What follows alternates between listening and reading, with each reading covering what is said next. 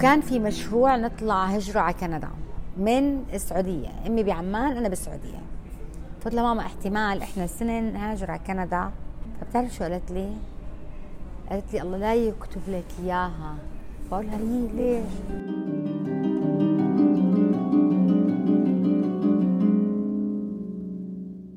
فعلا إنه هذا بيت منه مطعم لدرجة إنه في كتير زباين مها عن جد بيقوموا بنسوا يحاسبوا.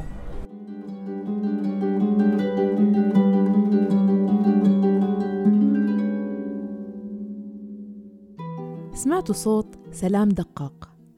سلام سيدة فلسطينية مقيمة في الإمارات.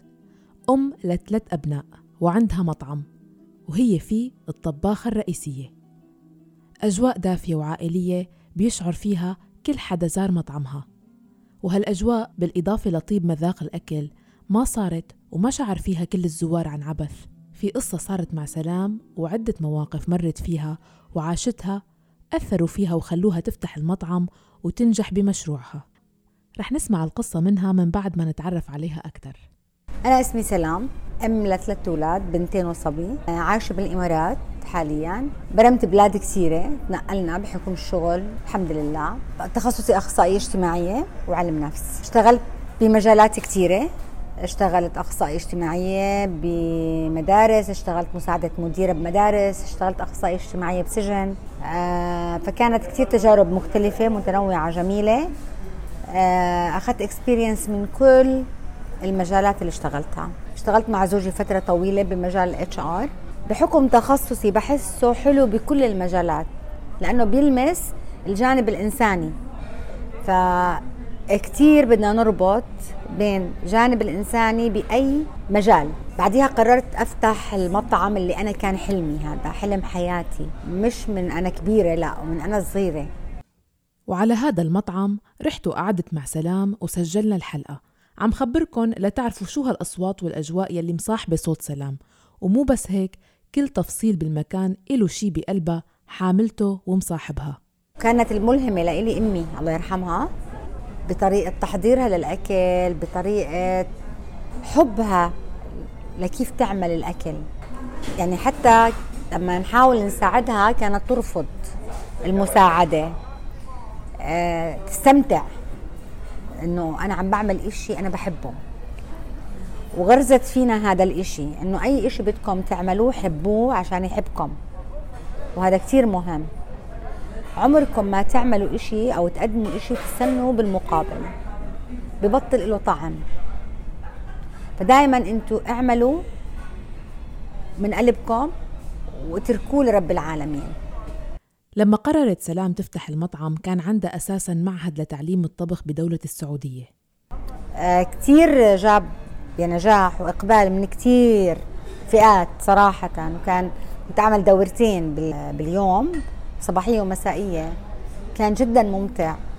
كيف حسيت حالي نجحت؟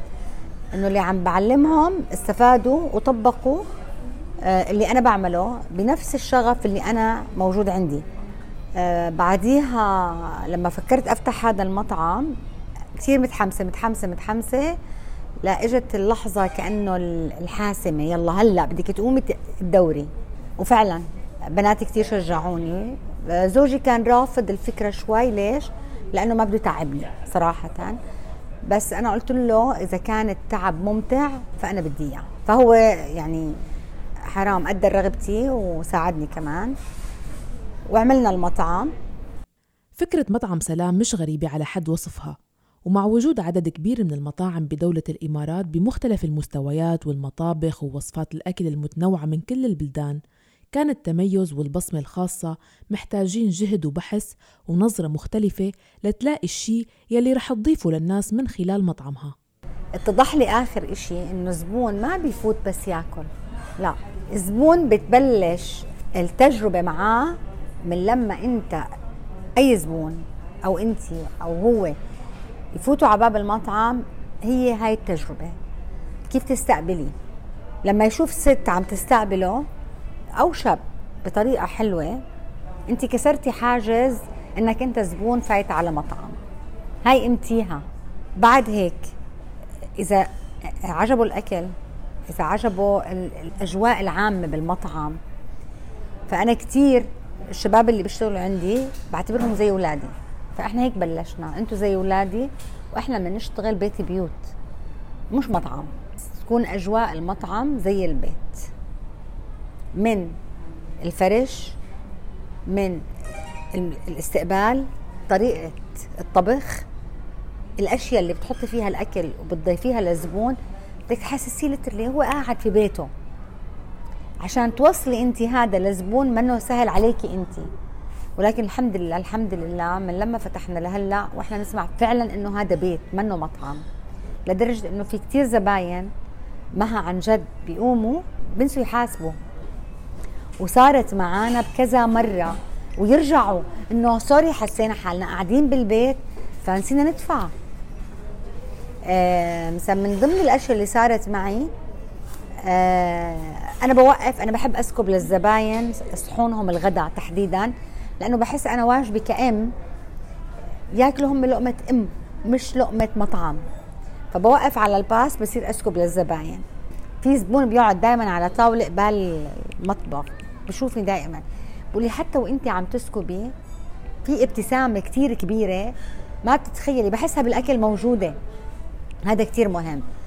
فمن ضمن الأشياء إنه بيجيني أوردر رز لبن وزهورات. فحسيت إنه هذا اللي باعت يشتري هذا الأوردر مريض. عرفتي؟ لأنه ليش ياخذ رز ولبن؟ وكاسه مرامية فأخذت الريسيت تبعه دقيت تليفون طلعت صبية. بقول لها سلامة قلبك انت مريضة؟ قالت لي آه كيف عرفتي؟ قلت لها لأنه الأوردر اللي انت طالبتيه من بيت مريم صح؟ قلت لها آه حبيبتي. حتى بعثت لها بطاطا مسلوقة بتذكر. قلت لها اتغدي رز وتعشي بطاطا مسلوقة عشان معدتك. فتخيلي هاي الأشياء الصغيرة قديش بتضيف لإلي ول... وللي طالب أو للي بده يشتري الغرض كثير بضيف أشياء بتصير بتصير بذاكرته وبذهنه فهاي الشغلات علمتني إنه هذا المحل ما تاخديه بس مصدر رزق لا. خديه على إنه هو محل ليجيك الشخص يرتاح فيه. لو بعد حين يعني مثلا بيجيني زبون هلأ وبيجيني بعد أربع سنين مثلا. يمكن لبعد المحل عن محله لانشغاله لهالزبون أو هيك بس دائما بسمعها كمان وكثير ما بتتخيلي ساعاتي لما بسمعها. أنا من أربع سنين إجيت لعندك وهاي المرة الثانية بجيكي بعد أربع سنين. ولا ألذ ونفس النكهة نفس الأجواء نفس الاستقبال. وكتير صعب تلاقيه في محلات. بيجوا ببلشوا صح؟ بعدين بتلاقيهم نزل خلص لا. أنا دائما بقول جيتي لهون مش لأبيع لأكسب. لأكسب زبون. أضيفه لإلي لعائلتي. والحمد لله الحمد لله الحمد لله. وكثير بزعل إذا زبون مش مبسوط. يعني لازم ما بيطلع من هون إلا لأرضيه بأي طريقة. ما بقدر. بهونش علي. خبرتنا سلام أيضا عن علاقتها بالموظفين عندها.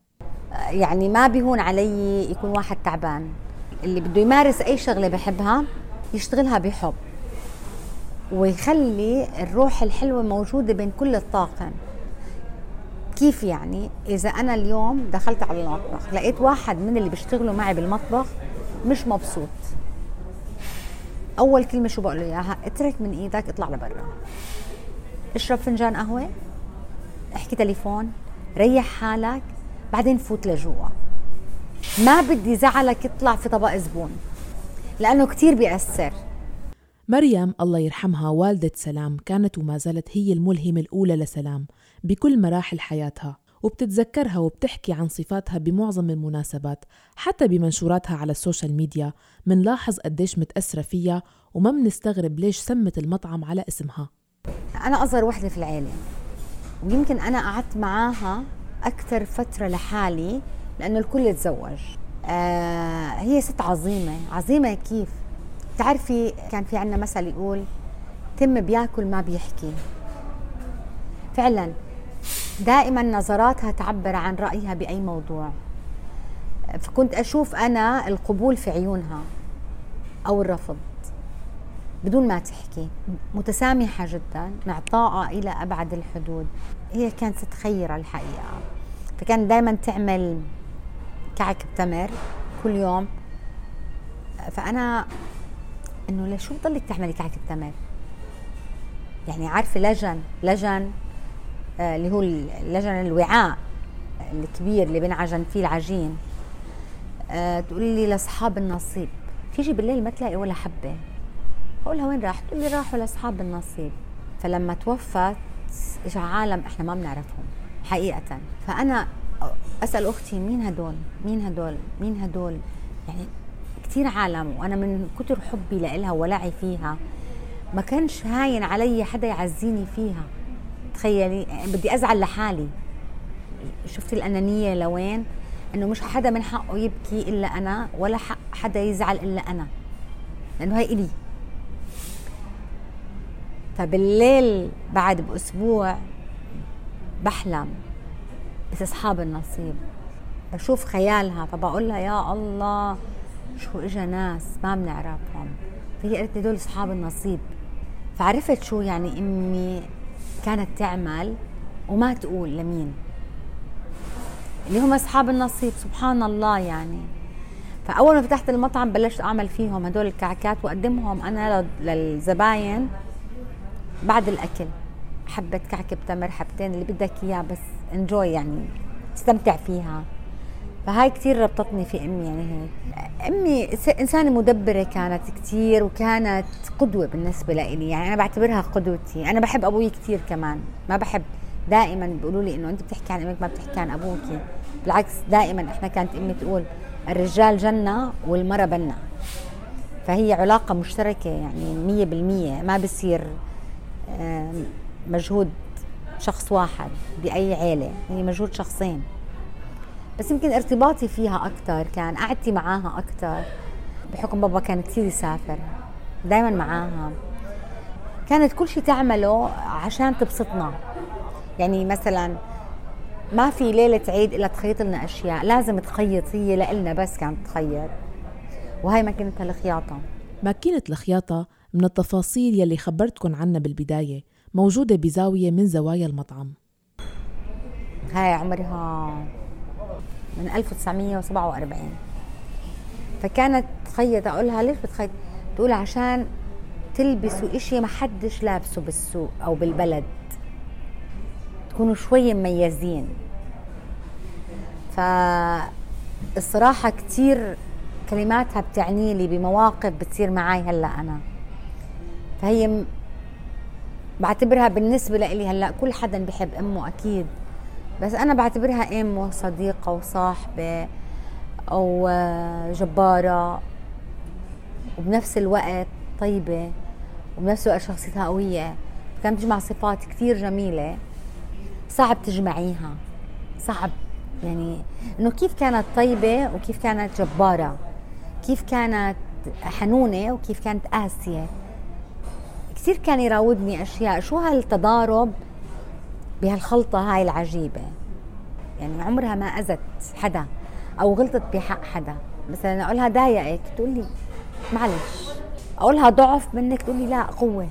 فكتير قصص تعلمتها منها. يمكن بهداك الوقت كنت احسه ضعف أو ما أحبوش كثير إنه يكون فيي. بس بالعكس هلأ بحس كثير في قصص تشبهني فيها.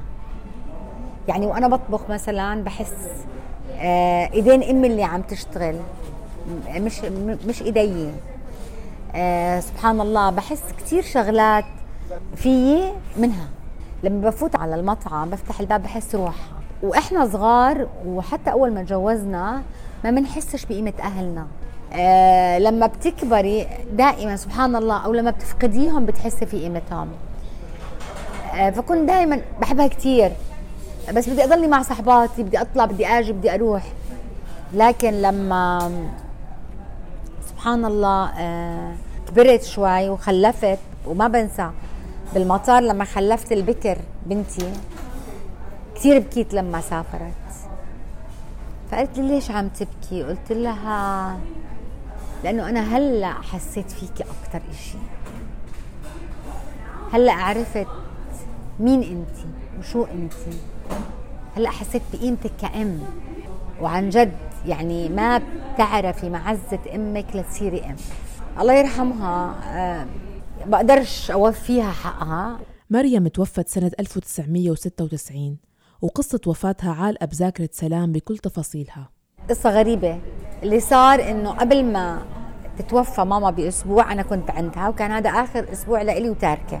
وكان في مشروع نطلع هجرة على كندا من السعودية. أمي بعمان أنا بالسعودية. قلت لها ماما احتمال إحنا السنة نهاجر على كندا. فبتعرف شو قالت لي؟ قالت لي الله لا يكتب لك إياها. بقول لها ليش؟ قالت لي لأني إذا متت بدك 24 ساعة لتوصلي لعندي. قلت لها لا ما انت بدك تمرضي. ما بدك تمرضي بدك تتعبي بدنا نيجي لنقعد حواليكي. نقول لك خلاص يلا صحصحي يعني نزهق منك. بعدين بدك تموتي ما حتموتي على السريع. فبلحق فقامت قالت لي بتلحقي؟ قلت لها آه. فيوم الخميس أنا سفري كان فشو بتقول لي آه، أجلي سفرك. قلت لها لا. لازم أنزل أنا على السعودية. ما بقدر. خلص ماما وصل لي قديش دايرة وهيك. فقالت لي بدك اجلي يعني كان هو 29 8 قلت لي اجلي 1 9 اليوم الخميس الأحد 1 9 قلت لها ما بقدر. فبكيت بكيت بهداك اليوم وهي بتودعني. فبيقولها نسيبي بقولها ليش عم تبكي هيك؟ بترجع لك يعني. قالت له هاي المرة غير كل المرات. ضلت معلقة بذهني هاي الكلمة. والأحد المفروض الوالد يروح على الدكتور عنده فحص بالمدينة الطبية. فقالت لي الأحد أبوك بروح على الدكتور بنحكي أنا وياكي لأنه لما بحكي معاهم بتخانق وكل واحد على تليفون. فقلت لها إن شاء الله. آه الأحد جارتها طلعت على الكنيسة. فشو بتقول له لأبوي؟ بتقول له خلص بروح معك على شرط بتوديني عند أختها. فقالها آه. فأخذها على المستشفى عنده فحص بده يخلصه وهي قاعدة على الكرسي بالمستشفى. فبقول لها شو رأيك عمل لك فحص سكر وهيك بما إنك صرت جاي معي؟ فقالت له آه. وهذا يوم واحد تسعة. فبعدين تطلع فيه بتقول له رمزي. وحطت راسها على الكرسي وتوفت.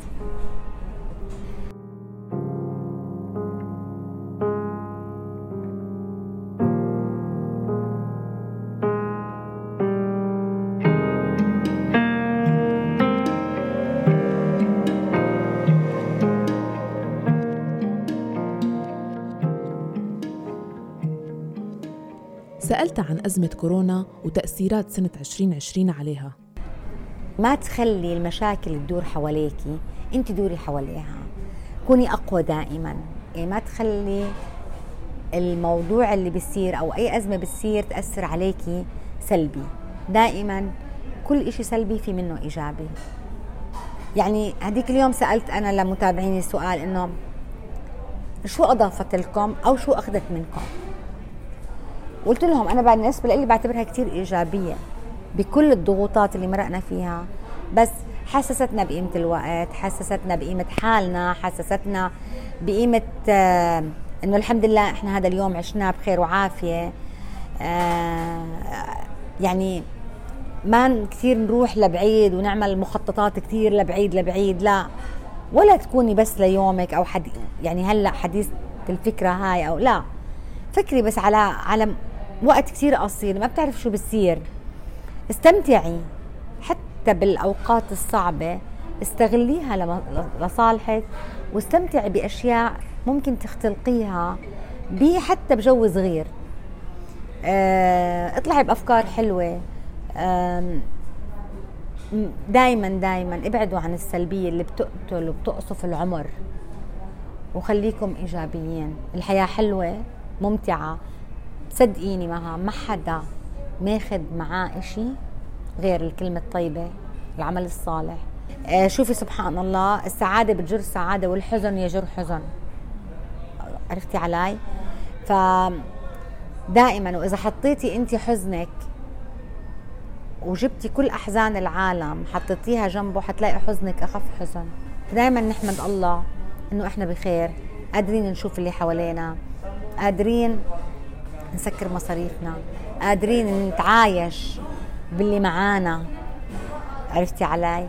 آه قادرين نمشي قادرين نحكي قادرين نسمع. شوفي كم نعمة أعطانا ربنا إياها. قديش إلها قيمة هاي وإحنا ما بنكونش حاسين فيها. مع سرعة الوقت مع الحياة السريعة مع المتطلبات الكثيرة بتضلك تركضي تركضي تركضي. قالت لك خدي بريك تعالي وقفي. اثبتي شوفي شو عندك. شو اللي مش قادرة تطلعيه منك؟ فدائما ما تخلي الحزن يسيطر عليك. يعني حلو ولازم وما فيك يعني ما فيك تبعدي عن حزنك بس ما تعيشي فيه.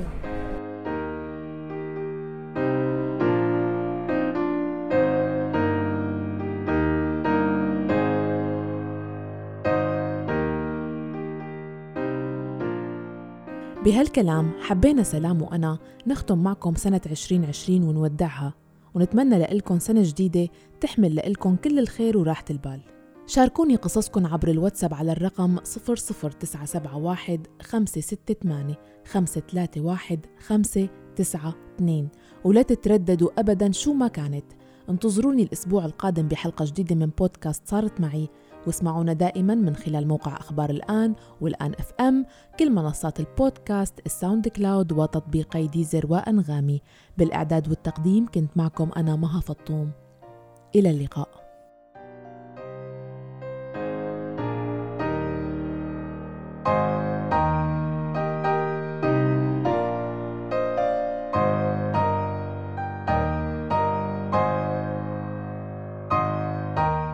بودكاست صارت معي مع مها فطوم على راديو الآن.